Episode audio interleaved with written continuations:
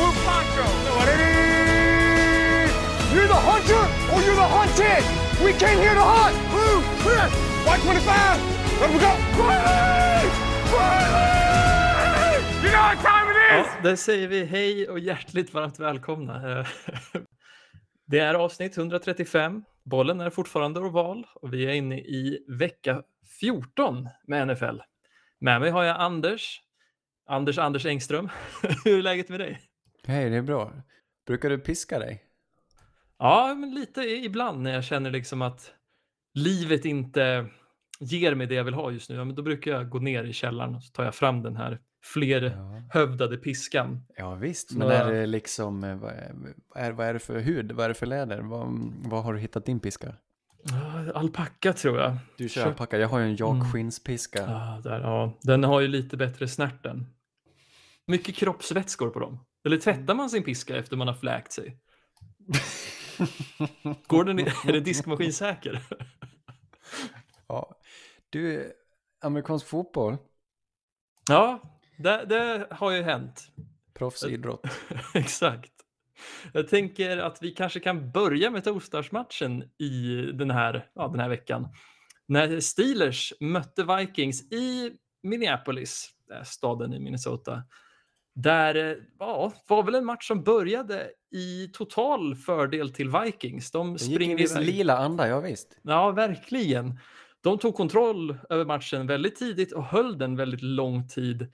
Mycket tack vare en dundermatch från Dalvin Cook som eh, ja, lyckades få ihop var det över 200 yards. Ja, sjukt. Man vinner till slut med 36-28. Precis, och det är ju lite förvånande med tanke på att jag tror Vikings ledde med 30 poäng mot, ja, kanske noll större delen av matchen. Men i fjärde kvarten så kommer Steelers tillbaks, mycket tack vare en dunderinsats av både Kirk Cousins och Mike Zimmer som står för ett, två, alltså Cousins står för två helt onödiga turnovers och Zimmer ja, ja, kokar ihop det sämsta försvaret jag har sett på väldigt länge. Ja, det börjar bli tradition nu. Bjud in folk sent i matchen. De har väl, det känns inte som att de har vunnit eller förlorat en match med mer än en score det här året. Nej, De- det är ju de lite ska- deras signum. bestämt spela jämnt mot vem det än är. Men det är lite roligt att se eh, Big Ben komma tillbaka i en match så här, som i gamla dagar. Ja, men faktiskt. Det är väl ändå lite nostalgi att se. Det är väl bara ja, lite synd att... alltså, jag vet inte fan vad, vad Vikings hö- höll på med där i slutet. Men ja, de lyckades ju ändå knipa vinsten när det väl gällde, så någon cred ska de väl få där. Eh, Men ovanligt att se en, ett lag springa över Steelers på det här viset. Ja, alltså jag fattar inte vad som hände i måste- början på matchen. De, det kändes som att det här begreppet gubben i lådan, Mm. det gällde ju inte Steelers alls, för det fanns ingen i lådan. En helt tom Nej. låda. Och han som har lämnat lådan eh, för mig, det är Devin Bush. Devin Bush Jr. Du vet, Ah. Steelers eh, gick ju hårt in och tradade upp i draften 19. Med den med, med Denver, just det. Upp till eh, plats nummer 10 för att plocka en, deras framtida lineback, han som skulle ersätta Shazier, han som eh, fick den här ryggmärgsskadan. Och Devin Bush har själv dragits med lite skador och i år, det, det jag sett av honom, det är riktigt pinsamt för han, jag tror inte han är med mentalt. Han, det, det finns inget go i han, han anstränger sig inte och han miss, alltså han, eh, han bidrar noll i springspelet. Det är som att han blir blockad och sen tänker han, nu står jag kvar här. Uh, han tar sig inte ur blockar. Han, han funkar inte liksom. Det är konstigt att han ens får speltid för han är så bisarrt dålig just nu. Det är väldigt konstigt. Jag har kollat lite vad Steelers fans säger om det och många säger väl att han inte riktigt är samma spelare sen han, ja, han hade väl en ACL-skada som, Det var någon tidigt korsbandsskada. proffskarriären. Ja, precis. Han var ju svinbra i, i Michigan där, speciellt sista året. Och det var ju det var inte konstigt att han tog så högst, eh, eller högt, Devin Bush. Det var samma draft som Devin White, var båda hette Devin. Men, Precis, ehm, precis. Ingen av dem har varit bländande, men Devin White är åtminstone ett känt namn. Devin Bush har snart när fall, börjat falla i glömska här och jag vet inte hur han ska rädda upp det. Jag, jag gillar att de ändå fortsätter tro på honom och ge honom matcher, för som han spelar för så ska han inte förtjäna att vara på plan, men jag tänker att Mike Tomlin någonstans ser att alltså, du har ju potentialen, det är bara att den här killen, han vågar inte längre och han tror inte på sig själv. Jag tror jag ska ge han, eh, jag tycker inte vi ska avskriva honom helt ännu, men just nu så är han bisarrt dålig faktiskt, tyvärr. Ja, jag vet inte riktigt om han får chansen att eh, komma tillbaka, för Steelers är inte så pigga på han heller. Eh, men jag har för mig att han blev väl draftad lite mer för att vara duktigare i coverage. Det var i alla fall det, var jag, det jag minns från när vi hade, när vi, liksom, när vi gick igenom linebackers den draften. Mm. Uh, eller minns jag rätt där Anders? Ja, men jag tycker det ska vara liksom mer en, bo en bonus. Jag tycker stommen i, ett linebackerspel i en proffsig linebacker ska väl ändå vara att du ska kunna lita på att han ska kunna tackla. Man ska kunna ta sig en block, uh, stack, en shed. Sen för att vara en riktigt elit linebacker så behöver du vara duktig i coverage, tycker jag. Det är, de, det är ju extra finess och det är ju vad alla lagen vill ha nu för tiden. Mm, Sen Precis. finns det de som är coverage-specialister. Jag tänker på Matt, Matt Belano i Buffalo till exempel. Han är duktig i coverage, men tillför inte jättemycket i springspelet och det är väl en av anledningarna till att Buffalo inte är så bra på att försvara sig just mot den eh, aspekten. Nej, nej, precis. Men ja, vi lämnar ja, Steelers som är förlorare. Och så, jag menar, Anders, är du en vinnare? Nej, nej sällan. du är inte det? Det var bra, för eh, vi, vi ska prata Jaguars som mötte Titans. Titans vinner den matchen, var 20 mot 0. Håller ja, nollan match. mot ett brutalt dåligt Jaguars. Men...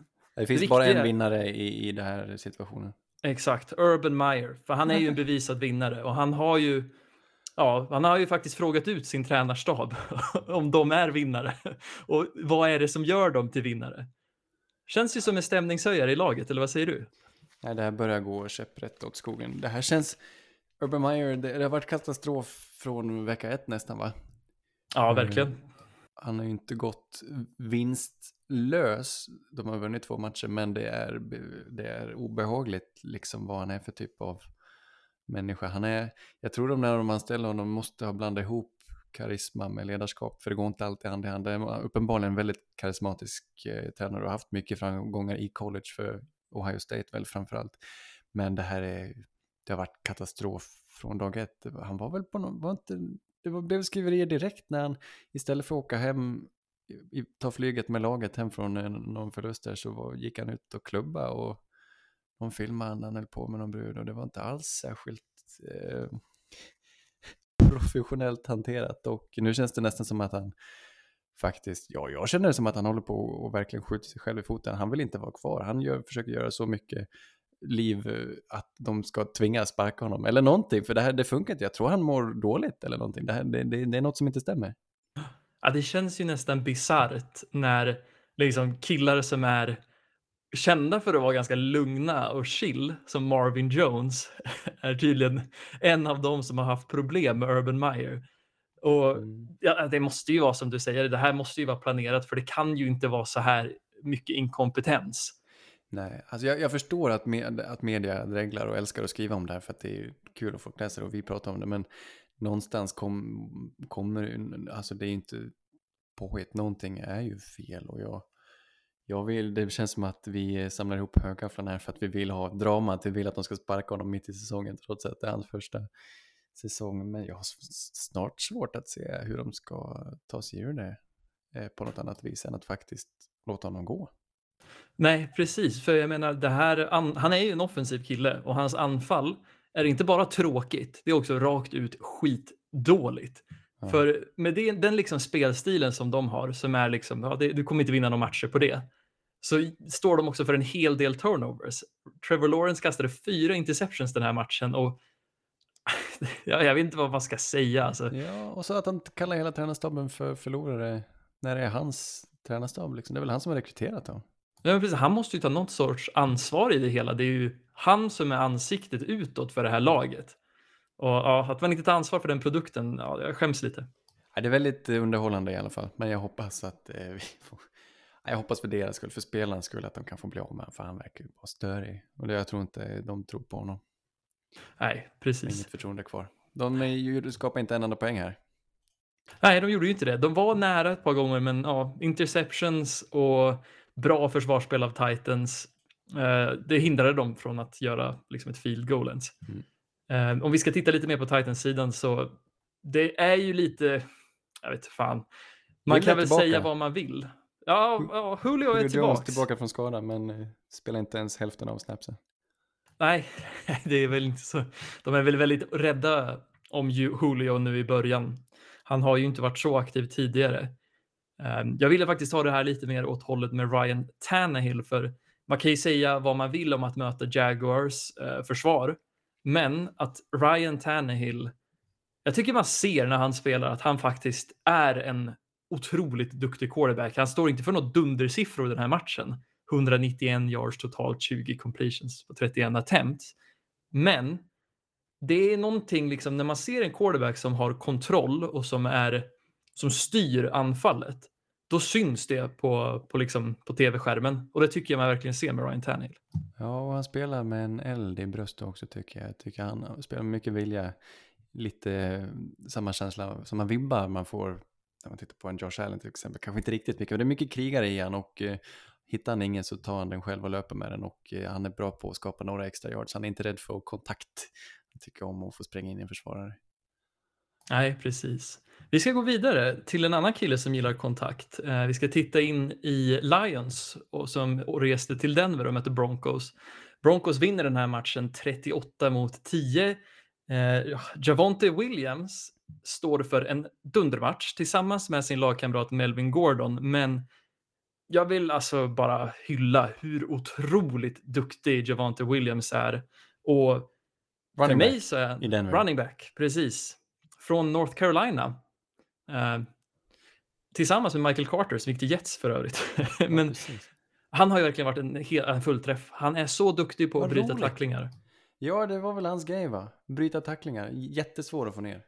Mm. Jag var orolig för att, det- att det berodde på att han eh, snarare sökte kontakt och sprang in i folk eh, och att han skulle gå sönder därav. Eh, Är han shifty? Kan han liksom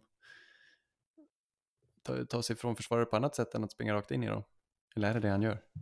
Ja, än så länge så känns det som det är det mesta han gör, men det är, Extremt jag tror fysisk. att det är en otroligt bra bas att bygga vidare på. Sen är ju skadeaspekten verkligen någonting som man ska eh, beakta. Ja, Eh, men roligt, roligt att se att det går bra tidigt. Jag tror han börjar han äta lite från eh, Melvin Gordons tallrik här och ta över procent, eh, procenten av snaps eller kör de 50-50? Jag hoppas nästan det, för jag tycker Javonte Williams gör mer med de carries han får. Melvin Gordon fick ju merparten av carriesen den här matchen, 24 mot 15. Men det var ändå Javonte Williams som stod för mer produktion per, per carry då. Hur går det för offensiva linjen då? Det har varit lite skador, men ni hade ju ett bra djup från början. Är det någon av de här unga som har fått kliva fram än? Ja, Quinn Miners fortsätter ju gå från liksom klarhet till klarhet. Det är så? Han, ja, jo, men Spelar han guard ju... eller center? Spelar guard, är jag rätt Ja. säker på. Vi har väl våran eh, kompis från LSU. Cushenberry, just det. Cushenberry, precis. Eh, som står där på center. Eh, ska sägas då att det var länge sedan jag tittade supernoga på Denver. det, det här har blivit lite av en hatkärlek för mig. För jag vill ju se Javante Williams, men jag kräks ju när jag tittar på Teddy Bridgewater spela quarterback. Det Mhm. kan vara lite av det tråkigaste quarterbackspelet i hela NFL. Då tittar jag hellre på Trevor Lawrence kasta interceptions. Ja, det rätt. Men vi, vi drabbades av hemska nyheter. Precis, eh, Demarius Thomas. Det är väl kanske han vi borde ha inlett matchen med, men Demarius Thomas, den får man säga legendariska wide receivern som spelade i Denver Broncos, eh, gick ju bort vid en ålder av 33 år nu i veckan av eh, lite märkliga omständigheter. Jag tror ryktet är att han drabbades av något anfall när han var ensam hemma och så bara hittade de han eh, död då. Mhm. Men det är ju, ja, för mig är det jävligt liksom, ledsamt och sorgset för Demarius Thomas var ju en väldigt stor del av varför jag började heja på Denver när jag väl började titta på amerikansk fotboll. För han stod ju för det här dunderspelet i 2011 tror jag hela Tibo Mania när de vann mot Steelers i playoffs. Ja, just det. Men sen just också, det var det första, första, eh, det var i, i förlängning va? Första snappen. Ja, jag tror det. Jag tror det. Jag kommer inte exakt ihåg. Eh, men i alla fall, han avgör ju matchen där. Och sen hela liksom Peyton Manning-eran har väl ändå... Den har väl varit känd för att Demarius Thomas har varit deras liksom nummer ett receiver och sen har det funnits mycket liksom killar runt omkring eh, som har ja, varit hans supporting cast. Och ah, jag vet inte, det känns bara så tråkigt för Demarius Thomas var en av mina favoritspelare. Han blev ju skickad från Denver på lite, under lite tråkiga omständigheter med att, eh, oh, vad heter han, Vance Joseph tradea bort han under, mitt i säsongen. Eh, vilket ja, jag tycker inte man gör så mot sina liksom, ikoniska spelare oavsett mm. hur, hur nedgångna de är. Och sen liksom veta att han liksom har spenderat, han har liksom lagt väldigt mycket tid och resurser på att se till så att han har, kommer leva liksom bekvämt efter fotbollen och att sen försvinna så här tidigt. Jag vet inte, ja, vad är din relation till, till Demarius Thomas, Anders? Nej, jag, jag han var lite, lite, hans storhet var innan jag började titta på fotboll ju. Men eh, som sagt, eh, hjälpte Denver till en Super Bowl, det, det är häftigt. Och han hade väl en lite problematisk uppväxt, haft en brokig bana och förtjänar väl all framgång han, han kunde få. Och tråkigt att det ska behöva sluta så här tvärt med tanke på han verkar ha betytt väldigt mycket för väldigt många. Jo. Att, att döma av eh, reaktionen på hans bortgång. Ja, men verkligen. Uh, Justin Simmons som var väl en liten ung lärling uh, när han först kom till Denver så var väl Demarius Thomas en av de här mentorerna i laget. Han gick ut och sa att för varje tackling som laget gör den här matchen mot Lions så kommer han donera 88 ja. dollar som symbol till Demarius Thomas, nummer 88. Då. Ja, vad roligt. Fyra Pro Bowls han med, två stycken second team All Pro. Stor receiver. Väldigt stor. Lång, 100 ehm. kilo tung. Ja, en, en ja, unik spelare. Verkligen. Jag tyckte också det var väldigt fint att de inledde matchen med att kliva in tio man på plan på anfallet för att mm. eh, symbolisera att de saknar Demarius. Eh, och Lions också, Dan Campbell, class act som han är, han nekade ju den här penaltyn som kom då, att det var, oj vad heter det, när man är, jag vet inte exakt vilket domslut det är, men vad gjorde de?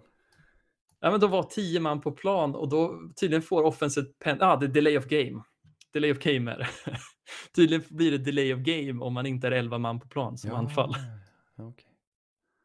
Men, men, det var väldigt schysst av Dan Campbell och declinar en panel, penalty. Ja, vad snyggt. Jajamän. Vi hoppar vidare till 49ers som mötte Bengals på Bengals hemmaplan. Debo Samuel var tillbaks och det här var en jävla stjärnkamp alltså. Att se Burrow och Chase på Cincinnatis sida stå för några alltså, otroliga um, sammankopplingar. Och även få se hur Kittel och Debo spelade. Det, jag vet inte, det var så mycket ögongodis den här matchen. Och den borde ha varit jämnare i början på matchen för San Francisco sprang ifrån lite, mycket tack vare att eh, Cincinnatis punt returner gjorde två turnovers. Vad, vad, tyckte du om den här matchen, Anders? Ja, men riktigt, eh, riktigt underhållande från början till slut. En av de bättre matcherna. Jag, jag tänker, inte det här en eh, lag som har mötts tidigare i historien. De har inte de spelat typ två Super Bowls mot varandra och Fortnite har vunnit båda. Jag tror Bengals har åtminstone en. Eh, och eh, torskat mot Fortnite så det måste ju svida lite extra när man möter dem och förlorar på det här sättet. Jag tycker det Bengals förtjänade dock bättre än att... Eh, jag, jag, jag, är lite besviken på deras anfall eh, som är lite tråkigt. Jag tycker Joe Burrow lyser men de ger honom inte chansen att ta över matchen. Han är ju en ordentlig kugge liksom. Han, här ser man det är klasskillnad när man tittar på Joe Burrow och jämför med en Jimmy Garoppolo som håller på att kasta bort matchen. Joe Burrow är ju den som leder det här laget och bär det här laget på många sätt. Eh, och eh, har i år, alltså de har byggt ett bättre lag kring honom och i år får, får han verkligen lysa. Jag tycker det är tråkigt att, att de, äh, det känns, de spelar nästan lite konservativ an, an, anfallsfotboll här. Eh, det är mycket att de försöker etablera Joe Mixon tidigt och det känns inte som att de behöver det nästan. Jag tycker Joe Burrow ska få mata mata mer lite, de ska spela lite modernare och kasta mer helt enkelt. Eh, jag har hört flera andra säga samma sak och det är lite, lite udda. Ja men verkligen, jag tycker när man tittar på Joe Burrow så märker man vilken otroligt intelligent spelare han är. Ja. Han har verkligen den här it-faktorn som jag tycker man saknar hos många av de andra unga quarterbacksen eh, i nuläget. Det finns ju väldigt många stora talanger men när man ser Joe Burrow som passare om man bara tittar liksom på passningsförmågan så det är ingen som är bättre än han just nu i den åldern. Nej, och hans, eh, han har härlig pricksäkerhet. Han känns lite som en Brady i hur han liksom kan lobba in den rätt i, i brödkorgen på sin receiver. På Jamar Chase till exempel. Den, den sitter verkligen där den ska och han, han tänder till när det är som viktigast. Och han är verkligen den, den kuben man vill ha. Och hur fantastiskt är det inte? Både Joe Burrow och Justin Herbert under sin andra säsong etablerar sig ordentligt som två unga, nya, lovande superstjärnor verkligen. Jämför vi, att jämföra med årets rookie-skörd bland eh, QB-stallet där Mac Jones kanske lyser starkast, men jag vet inte om han kan mäta sig med de här två eller om han kommer göra det nästa år. Det, det är eh, riktigt roligt att följa. Ah, Ja, vi ska vara väldigt glada över att vi får se så pass bra fotboll från två väldigt unga spelare.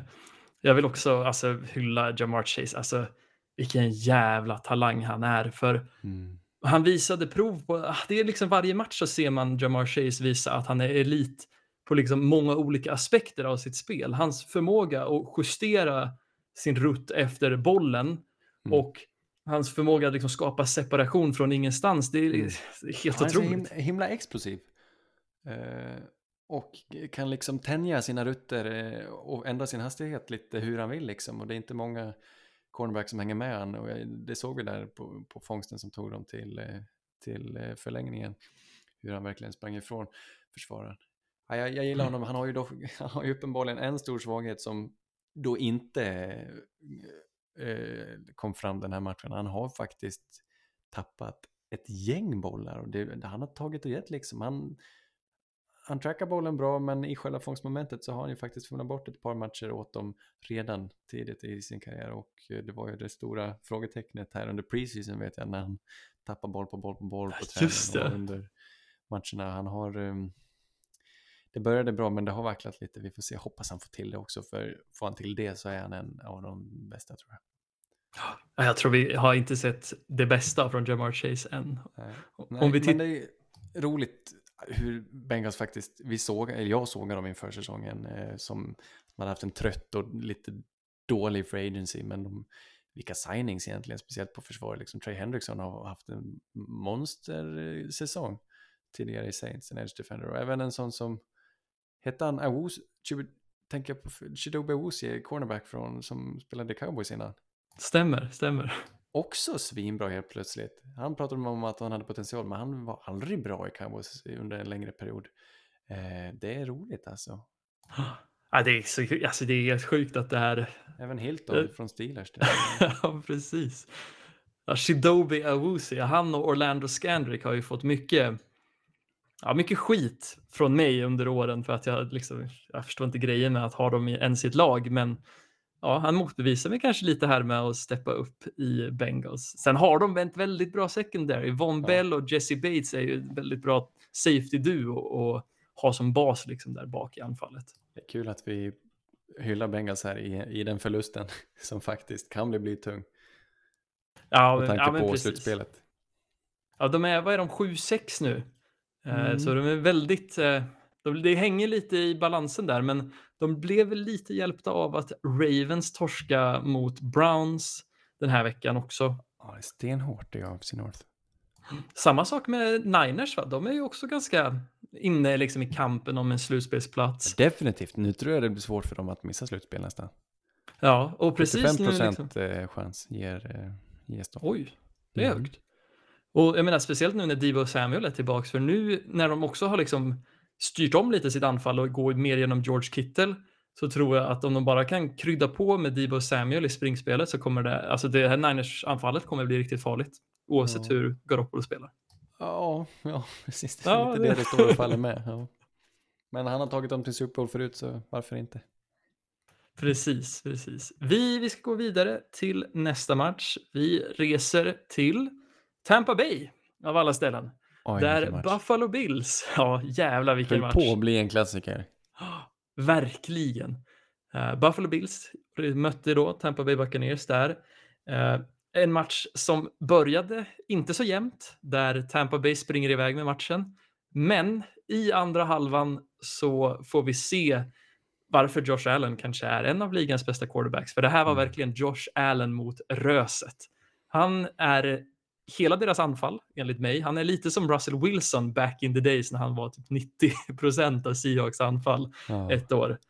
Eh, och röset är ju ganska symboliskt för jag tycker Tampa Bay, precis som förra året, nu börjar liksom komma upp i den här formen när hela laget presterar. För första halvan så var båda Bucks liksom linjer eh, var ju dominanta.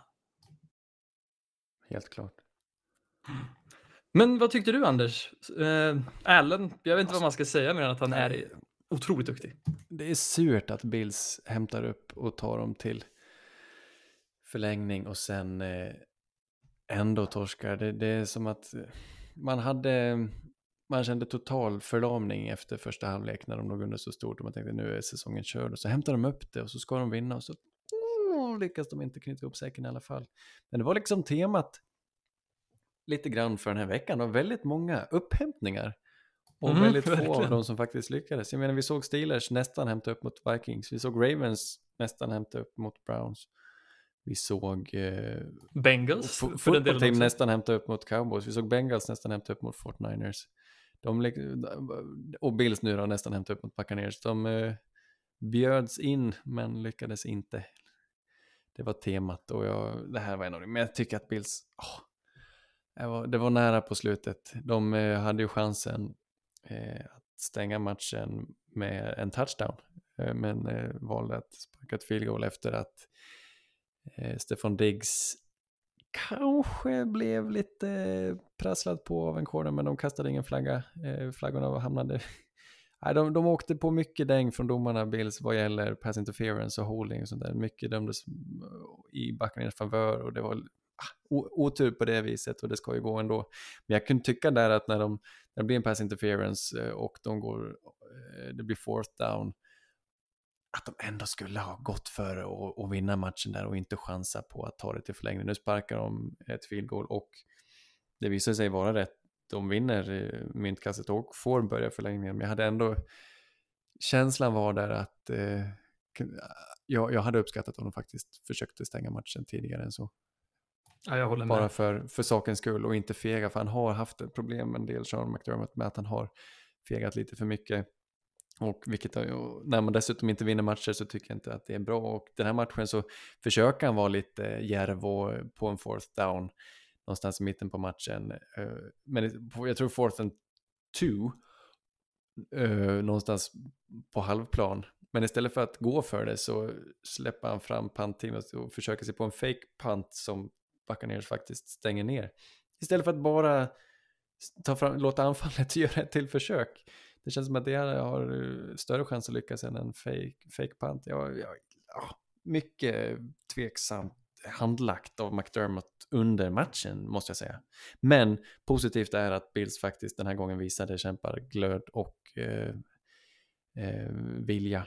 Eh, de har haft svårt när det har gått dåligt för dem, men den här matchen så, så lyckades de faktiskt klamra sig tillbaka och det är ett gott tecken. Må det lyckas. De har ganska lätt schema. De ska möta Falcons och Panthers och eh, något till skitlag som skulle faktiskt kunna gå till slutspel eh, i alla fall trots att de har haft det lite jobbigt nu. Jo, men precis. Det här laget har ju haft det lite kämpigt, men de här senaste veckorna tycker jag verkligen de har visat prov på att även om de inte har vunnit matchen, att kunna bjuda upp till dans mot bra lag är ett nästan lika Ja, bra ja. tecken för mig. De spelade ju helt på samma nivå som både Patriots och Buccaneers, nästan bättre än vad Patriots spelade tycker jag förra veckan och i det här, här var de ju helt jämna. Så ja, jag håller helt med dig. De förtjänar, jag vill se Bills i ett slutspel. Jag med. Det är svårt det där, tänk tillbaks på det du nämnde med att de sparkade det där field där i slutet på regulation. Eh, jag vet inte riktigt hur man ska tänka där, för det, de hade ju ångan uppe och hade pressen på Buccaneers. Och då kanske det är, det kanske talar för att man ska försöka gå för touchdown där, för det kanske är en större sannolikhet.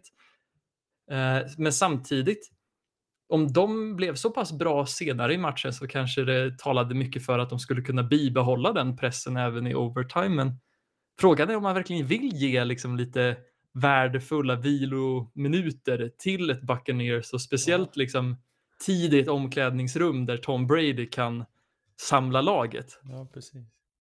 nu var det ju, nu spelade de ju hyggligt. De höll på att stänga Buccaneers eh, även när de fick bollen där. Jag tror Fournette på third down lyckades få sig en first down trots att det var väldigt mycket på gränsen. var lite generösa tyckte jag. Så, så de, de, spelade bra i förlängningen också. Det var förutom det missade spelet där där vem är det? Det är Brishard Perryman som får långbollen längs eh, högersidan och springer in touchen. Hans första fångst i matchen, jag hade ingen aning om att han var tillbaka i truppen. Han spelade ju Buccaneers för två år sedan va, med Jamies. Precis.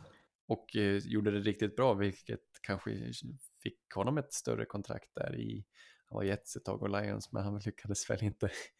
ja, lyckas man inte hålla sig kvar i, i, Lions så tänker man att då är karriären över, men då seglar han tillbaka in i Buccaneers-truppen och får stänga den här matchen. Det var roligt för honom. Kanske det sista ja, vi ser om Kul. Att det är lite déjà vu till uh, Jamies sista säsong där när han slog, uh, när han plockade hem den här titeln med 30 touchdown, 30 interceptions. Då var ju Breshad uh, Perryman en stor del av det. Både Evans och Godwin var skadade. Nej, men annars Exakt. fin match av Buccaneers. Ja, toppenmatch verkligen. Vi hoppar vidare till Chicago som åkte till Green Bay och mötte Packers. Uh, Justin Fields var tillbaks. En match som började med att Bears springer iväg lite med ledningen. Ja, Mycket match. tack vare, ja jävlar, för när Jakeem Grant är den som sätter tonen för matchen. En kille som jag tyckte var skitdålig i Dolphins, eller liksom bara någon man inte liksom lägger på minnet. Ja, han var snabb. För, det var typ allt. Som fan. En punt return var det va, som blev till en TD och sen också han hittar någon, han får liksom en kort pass av Field som leder till en, han hittar liksom någon sorts liten korridor där på sidlinjen som tar, tar den hela vägen in till touchdown. Ja, många långa spel. Ja, otroligt fint. Um, Justin Fields, om man får, får ge lite analys på han, så tyckte jag att hans placering är riktigt bra. Det märks att han han är väldigt duktig på att träffa sina receivers i stride. Men den kritiken jag ändå måste ge att han har inte riktigt den här leveransen som eh, man behöver ha för att liksom spela quarterback ibland, kan jag tycka. Eh, nu kanske alltså jag är alldeles för hård, men Ja, han är lite Postnord, för om man jämför med Aaron Rodgers som är liksom Fedex Next Day Delivery. Ja. Så det var, alltså, det blir så, det blir sån kontrast för Aaron Rodgers den här matchen spelade otroligt vackert. Alltså hans förmåga att spela i, med tempo är jätte, alltså det, det var så fint att se. Jag vet inte, ja. vad, vad tyckte du Anders? Ja, och jag är också så impad över hur han, ja, det är inte bara hans förtjänst, men eh, så decimerade de är längs sin offensiva linje där de får eh, ta fram backups att spela framför Aaron Rodgers så lyckas de ändå få till det liksom. Han är väldigt bra på att justera sin protection, han vet och de vet precis vad de ska göra. Och Matt LaFleur schemar liksom upp det för att eh, det inte ska, ska bli så farligt trots att deras bästa spelare inte är på den linjen. Vi vet både Bakhtiari och Elton Jenkins till exempel är skadade. Jag tror det är flera. De har fått rotera något oerhört denna säsong. Även förra säsongen var ju likadana. Eh, och ändå funkar det, för de är, de är nästan lite vanare. Jag är en stor eloge till hur de utvecklar sina offensiva linjemän. Det är folk jag inte har hört talas om och inte orkar lära mig namnet på, men ändå så funkar det. Och dessutom är ju Rodgers väldigt bra på att manipulera fickan och röra sig i fickan och, och ta sig undan pressure. Eh, och för, åtminstone förr så tog han ju gärna en säk hellre än att kasta ett farligt spel. Men jag tycker i år har han inte tagit så många sacks heller. Jag vet inte, han, är, han spelar riktigt bra fotboll i år igen. Ja, men precis. Han, han är ju definitivt i MVP-diskussionen och vi har inte pratat tillräckligt om honom känner jag. Han har lämnat in ett så otroligt bra år och tillsammans med hans coach då i Matt eh, LaFleur, precis som du sa, de, de, de har stått för ett så otroligt bra lagbygge i år. Jag är otroligt imponerad. Ja, lite oroväckande dock att de släpper till sådana slumpartade eh, saker bakåt. Men de, de behåller tryggheten i laget och de vet att de kommer vända och vinna känns det som. Eh, och så drar de ifrån på slutet och vinner som att det inte ens var hotat. Nej, precis. Jag vet inte riktigt. Några spel till Aaron Jones liksom, så är det klart. Mm, mm, ja, men precis. Och, ja, jag vill, vill väl också ge lite cred till Davante Adams. Alltså det, ja, det är nästan som en basketspelare att se han spela för liksom hur han, han kan köra den här eh, sidestep eh, three grejen när han, han fångar bollen och så gör han liksom lite små tapp-tapp-steg Så man rör sig lite, lite åt sidan och så är liksom försvararen helt borta. Ja. ja, det är en fröjd. Ja, riktigt lika mycket fröjd var det ju inte för Chicago. Jag förstår inte varför inte Matt Nagy kör lite mer designade springspel för Justin Fields. Det känns som allting sker i kaoset. Liksom Justin gör det otroligt bra med tanke på att han aldrig riktigt får den här strukturen som går, liksom lånar sig till hans styrkor. Men jag gillar det när, när, när säsongen ändå är körd, så man får se att den är fyra vinster. Låt han eh, få utveckla sin eh, passningsförmåga. Låt han inte ta det billiga alternativet och, och, och springa, för det, det, det, det, går att lösa enklare. Liksom. Det viktiga är att få, få in antal reps i, och låta han lära känna sina receivers och förstå var det kommer pressure ifrån och sånt där. Jag, jag gillar, jag tycker bara låt han mata. Jag tycker inte vi behöver uh, göra något extra utan uh, det, här, det här känns som det är lekstuga och träna lite och spela lite boll och kasta lite. ja, kanske. Nu när du säger det, det så håller jag med. Har. Jag tycker det är väldigt bra poäng. Det är kanske så de tänker och det är ju skitbra att liksom ta den här tiden. Schysst av Nagy, ja precis. Och ge honom bästa förutsättningarna innan Nagy får sparken. En man kan hoppas, men han har ju visat för att han kan hålla sig kvar hur han än gör. Mm. Han är eh, lite lik Urban Meyer på det sättet. Mm. Vi går vidare till den sista matchen som spelades i eh, tisdag, nej i måndags natt, va? Var det va? Just ja. Los Angeles Rams reste till Arizona och mötte Cardinals. De vinner matchen och splittar därför eh, sin head-to-head. Oh. Eh, de vinner med 30 mot 23. En väldigt jämn match, en väldigt rolig match för man fick se väldigt bra anfall från båda sidorna. Oh. Jag vill verkligen be om ursäkt till James Conner som jag har haft som ett stort, stort hatobjekt. väldigt länge. Han var helt otrolig för Cardinals den här matchen. Otrolig. Han var ja, hela deras anfall på något sätt. Han var, en, han var som en Kamara liksom. Han mm. sprang fräcka rutter och fintade folk hit och dit och hade ett par touchdowns åtminstone och flera viktiga first downs. Han var, han var, precis, han var en riktig stjärna. Vilken eh, karriär den här killen har, har haft liksom. Oväntat, han fick ju kliva in egentligen hos Steelers för Le'Veon Bell när Le'Veon Bell ville ha mer pengar och inte fick det och stack därifrån till Miami och åkte jetski istället så fick James Conner som också tidigare haft någon cancersjukdom tror jag eh, spela och, och visa upp sig där och eh, ja, han har haft egentligen en otrolig karriär i, efter sina förutsättningar och att han dessutom då lyckas i Free Agency-träsket ta sig till ett lag och etablera sig i Arizona och faktiskt vara deras viktigaste back. Det, det trodde jag inte. Det var väl ingen, ingen som kunde ha tänkt sig det egentligen. Man, jag vet inte, det ser inte bländande ut eh, när han eh, håller i bollen, men på något, stans, på något sätt så lyckas han finta folk ändå och han är svår att få ner. Han har ett väldigt skickligt spelsinne, han har ett öga för, för fotboll helt enkelt. Ja, men verkligen. Alltså, hans fysikalitet var det jag lade märke till den här matchen. I, han är väldigt svår att få ner, trots att han kanske inte ger sken av det. Nej, uh, jag blev väldigt imponerad, som sagt. Och, Nej, un det... underhållande match. Alltså Arizona kunde ju ha varit i matchen mer om de inte råkade ut för två raka turnovers i, i red zone väl. Kyler Murray kastar en idiot interception och sen är det en fumble på något vis om jag inte minns fel. Jo, men precis, precis. Eh, så det, det, är egentligen en, en, väldigt jämn match och en kul underhållande offensiv match. Stafford spelar bra och Kyler Murray spelar riktigt bra. Han är också en sån här, han, han räddar ett par eh, drives med sina fötter eh, genom att liksom tafsa på sidlinjen utan att ta sig ut riktigt. Det, det är riktigt läckert stundtals och eh, det, han är faktiskt elektrisk.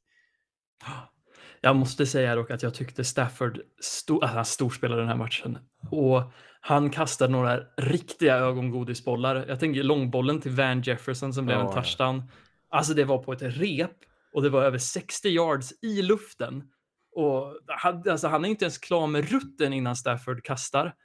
Och, nej, det var bara magiskt. Det, det, det var flera sådana. Jag tycker Stafford, som vi har varit lite skeptiska till ja, de senaste veckorna. Ja. Han har varit lite av och på. Jo, precis. Men det här var... mest på, men, men även lite mot också. Så det, har varit, ja, det var väldigt kul att få se han göra en revanschmatch här och jag tyckte han spelade alltså, otroligt bra. Just, som en ren passare fanns det ingen bättre än Matthew Stafford i den här matchen, men Kyler har ju som sagt hela paketet och det är väl det som gör han så ostoppbar. Mm. Ja, det är coolt. Ehm, alltså, det är inte många, det är fyra veckor kvar nu inför slutspelet. Eh, och NFC... Det, det känns som att NFC har kanske sex bra lag och det blir ett lite skämtlag. Det är känslan just nu. Eh, Packers, Buccaneers, Cardinals, Cowboys eh, lär ju vinna sina respektive divisioner. Sen lutar det väl åt att både Rams och 49ers tar sig till slutspel just nu. Rams eh, är i stort sett klara, 97% sannolikhet eh, att de tar sig dit. Och 49ers som jag sa 75% enligt 538.com här.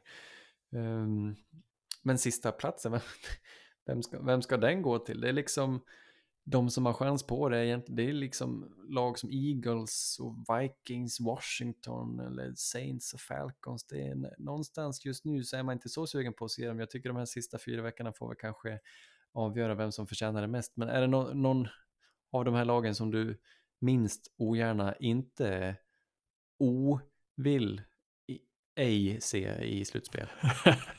det är många negativa här. Det är svårt att, att veta exakt hur du syftar på. Men tänker du på NFC-sidan nu enbart? Ja, precis. Oj, bra fråga. Just NFC så vet jag inte riktigt vad jag vill ha där. Jag är ju lite småkär i Niners, men de verkar ju ha ganska god chans att ja, komma precis. in va? Vi säger att de är inne, så ska du få välja ett lag till. Ett lag det till? Ju, det är liksom sju lag som ska in. Ja, men då måste det väl ändå vara Vikings. Jag ja. tycker att Falcons och Saints är lite på samma sida, för båda lagen har väl liksom någonting man kan bli lite kär i, men åh, jag vet inte. Jag, alltså, jag tycker lite synd om Alvin Kamara, för han, äh, han drar ju verkligen ett björnlass för New Orleans Saints. Jag, alltså, jag tror inte det laget har något att göra i slutspelet. Det har och för sig inte Falcons heller, men de, att se Cordarell Patterson liksom bli lite av en stjärnspelare så sent i sin karriär hade varit en kul storyline att följa. Ja, nej, jag undrar om jag ska om jag inte ska hålla med dig. Eagles och Vikings känns båda lite som lite bredare lag ju. Även om de saknar stjärnstatusen.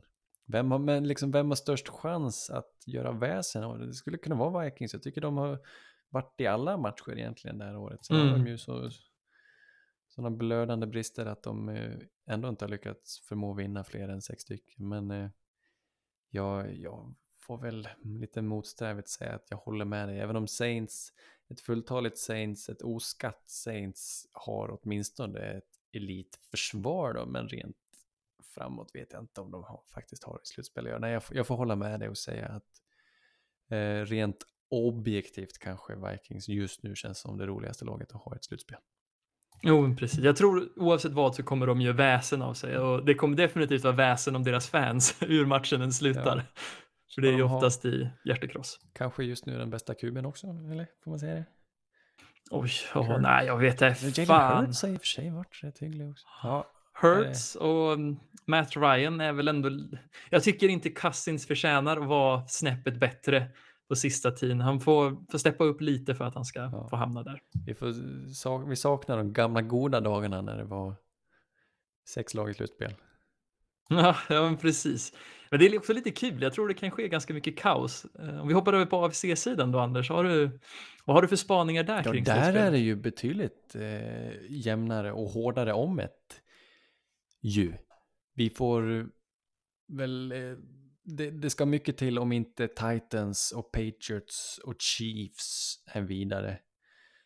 Eh, men sen är det ganska öppet i eh, AFC North framförallt. Det är ju liksom ett blodbad. Jag menar Browns, Bengals, Ravens, Steelers. Egentligen alla har chans att vinna sin division. Steelers har den sämsta chansen förstås. Men vem, vem tar hem AFC North till slut? Det är ganska svårt att, att avgöra just nu.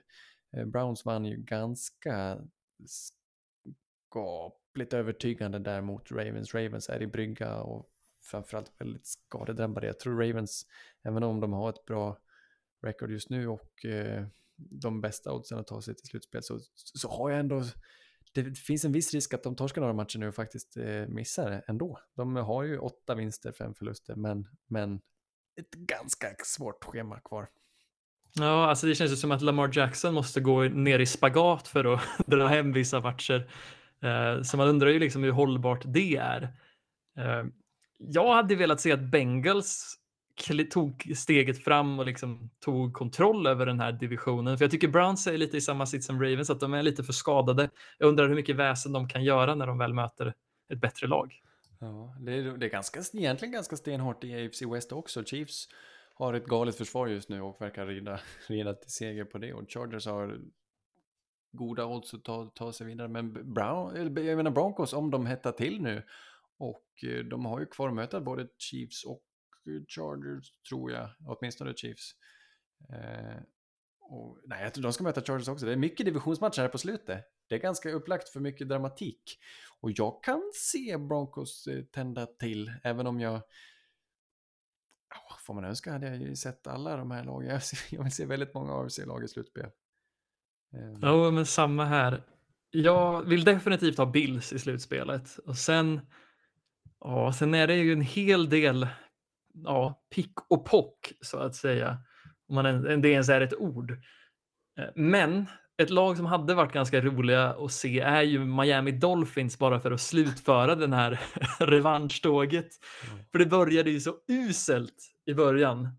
Och jag undrar om inte Dolphins har en ganska enkel väg in i slutspelet med tanke på att de kommer inte möta speciellt bra lag resten av säsongen, vad jag vet. De möter Jets kommande vecka och ja, ja, nu har jag inte koll på vad de möter sen, men jag vet inte. Det känns de som att det finns en chans där. Jets och sen Saints och sen Titans har de kvar.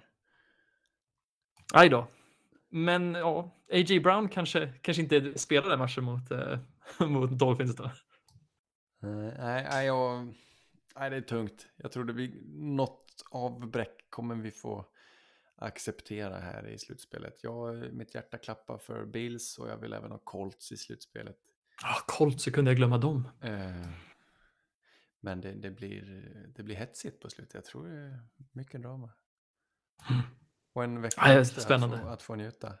In, alltså, men eh, som sagt, eh, nästan helt klart att både Titans och Patriots tar sig dit åtminstone. Och Chiefs, det ska väldigt mycket till om de inte tar sig till slutspel. Precis. Titans har dessutom tiebreakern 2-0 mot ja, Colts. Så det, det känns nästan kört för Colts att ta, ta sig ikapp till eh, ta divisionen mot uh, Titans. All right. Vi har uh, en kommande vecka som börjar hårt alltså. Det blir Chargers Chiefs här på torsdag. Vidöppen och med väldigt, väldigt betydelsefull. Ja, oh, jävlar just ja. nu, Justin Herbert eller Patrick Mahomes?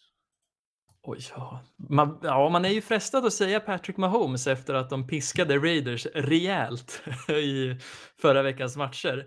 Men det gjorde ju även Chargers i sin match. Ja, jag vill fortfarande ge, ge, ge tyngden till Herbert här. Mahomes har vacklat och är fortfarande inte i strålande form. Laget runt honom har eh, bättrat sig ordentligt och han spelar, ja, det var ju skönt att se. Det är nästan så att man får säga att det var samma gamla Chiefs som slog Raiders, men det var ju också Raiders. Raiders slog ju sig själv lite där, va? Det, var ju, ja, det var ju ingen jättebra match. De kom ju utan skor till, liksom, till planen. ja, precis. Chiefs är favoriter, eh, men Chargers är hungriga. Ja, jävlar.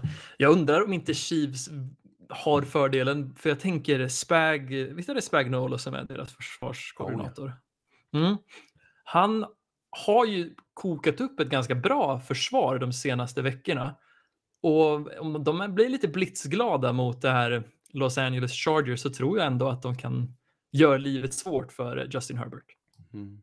Ja, det, det, är roligt och skulle Chargers vinna då har de ju tagit en stor skalp liksom och slår Chiefs. Och, ja, det, det finns många roliga scenarion. Patriots mot Colts på lördag. Är lördagsmatcher, det är ju Ja, det är ögongodis. Wow. Veckans stormatch. Båda kommer efter att ha vilat en vecka här och eh, båda har chans på slutspel. Colts stekheta med Jonathan Taylor i spetsen mot Patriots. Som, det är de två bästa offensiva linjerna som eh, går head mot head här. Det är riktigt, riktigt spännande. Oddsen säger att Indiana är eh, knappa favoriter för att de spelar på hemmaplan. Jag eh, hejar på Colts och hoppas på en kanonmatch. Ja, samma här. Jag vill att det ska bli ännu jämnare i divisionsracerna. Eh, ja, en liten kul detalj att nämna är väl att Michael Onwenu som startade som guard förra året, eller kanske på lite olika positioner. Ja, Anders. han har klättrat runt. Han spelar just nu tackle ja. i New England Patriots, vilket är otroligt och han gör det bra. Ja, det är häftigt. Det är två häftiga lag. Jag, um, största frågetecknet får väl kretsa kring en Carson Wentz som ju inte är känd för att spela säkert. Jag är rädd att om hans, eh, han har ju varit väldigt inception-benägen tidigare, även om han har varit ganska trygg det här året. Men man har gått, gått och väntat på att han faktiskt ska göra bort sig. Han har tagit några riskabla beslut och haft lite tur. Men möter man Patriots då har man inte mer tur. Jag är rädd att eh, det kan bli ett gäng turnovers här i Patriots favör som faktiskt avgör matchen. Jag skulle nog tippa Patriots tar det, men mm. det, jag, jag ser väldigt mycket fram emot det. Det kommer bli en riktigt bra match. Eh. Bästa matchen på pappret kanske ändå är Texans hos Jaguars. ja, den där matchen kommer jag inte röra med liksom ens en steg. What Nej, men fuck? vi har Nej. en som tyvärr också har slutspelsaspiration. Väger tungt. Fotbollsteam mot Eagles. Båda lagen eh, har vunnit sex, förlorat sju. Båda lagen har chans att gå till slutspel. Så därför är det ju spännande. Eh, ja. Taylor Heineke mot Jalen Hurts. Jag har hört, just det, Hurts ska vara tillbaka nu efter deras bye week. Jajamän. Minshew fick glänsa kort, men gott. Oj, vad jag ändå är sugen på att ge stor fördel till Philadelphia. Sportboken ja. ger ändå 4-5 poäng i fördel till Eagles. Mm. Och det ska Så... de ha. Jag, jag är lite med på det här anfallet. Eh, ja. Heineke är för bräcklig. Hurt spelar åtminstone trygg fotboll och de har bättre anfallsvapen i Goddard och eh, det, det, var inte smitt. Mm. Jag måste, alltså det är lite surt. Det känns som om man ska berätta, om man, ja, man ska gå in i fantasy-träsket så jag var ju väldigt pigg på Terry McLaurin inför den här säsongen. Likaså DJ Moore. Mm. Men det känns som jag har någon fallenhet att välja receivers som hålls gisslan av otroligt inkompetenta anfall. Uh, för både DJ Moore och Terry McLaurin är osynliga nu för tiden. För, uh. ja, den ena killen som är quarterback i, Carolina är ju en running back. Och Heineke vet fan, han verkar ju inte kasta om inte Terry McLaurin kommer skada sig. Ja, nej, nej skitmatch. Ja, ja, ja, precis. Eagles, vi kör på Eagles. Vi kör på Eagles. En annan slutspelsmatch då, det är mitt kära Denver Broncos oh. som tar emot Cincinnati Bengals. Orange. Ja, hjärtat skriker ju dunderförlust för Denver här. I, liksom, det kommer, vi kommer se jätteinkompetenta ut. Men jag kommer Bengals nog faktiskt se den här matchen. Tror du det? Jajamän. Jag vet faktiskt inte. Ja, det, det, känns som att det är liksom en perfekt match för att Teddy ska liksom skämma ut sig rejält. Ja, men det är två lag som har överträffat eh, sig själva eh, gång på gång och lyckats ta sig vinnande ur det. Men det är precis lag som du säger som man aldrig riktigt vill sätta något förtroende till och lag som har en tendens att förlora. Ja, jag ser jag ser, jag, jag, jag, jag vet inte vad jag ska tro. Men... Ja, vi får, jag vet inte. Alltså, nej, jag vet inte, fan hjärtat, alltså det skriker verkligen förlust. Den ja, jag vet inte. Ja, men då litar jag på dig, du kan ditt lag. Den har till och med fördel här va? Va? Jajamän. Ja, det är oför, oförklarligt. Mm. Packers Ravens då? Vill vi beröra den lite? Nej, Kommer Packers Lamar spela den? Jag ja, det tror jag också. Ja, jag vet inte, det spelar ingen roll, Packers tar den. Jag vågar inte säga någonting när det är Lamar som spelar, men ja, Packers är det bättre laget. Mm. Oj, oj, oj. Saints, kolla oddsen på Saints Bucks. Bucks favorit. 11, 11 poäng. poäng. Jajamän. Vilken härlig säsong vi har haft. Ska vi ge oss? ja, jag, jag, vi kan skaka hand på det så kan vi plocka ur Saints och Broncos från liksom ligan till, tills nästa år. Mm. Ja, det är bra. det var göra? väl allt vi har eller? Ja, det, det, var det. Vad ska du göra? Har du, det blir ingen mer pecka imorgon eller? Nej, men, eller jo, jag ska faktiskt komponera ett mail till Pekka. Mm. där jag ska uh, ja, länka lite artiklar och vad mer ska jag? Jag ska skicka en liten beskrivning så ska han han ska liksom gå runt i organisationen och pitcha det till de olika teamen.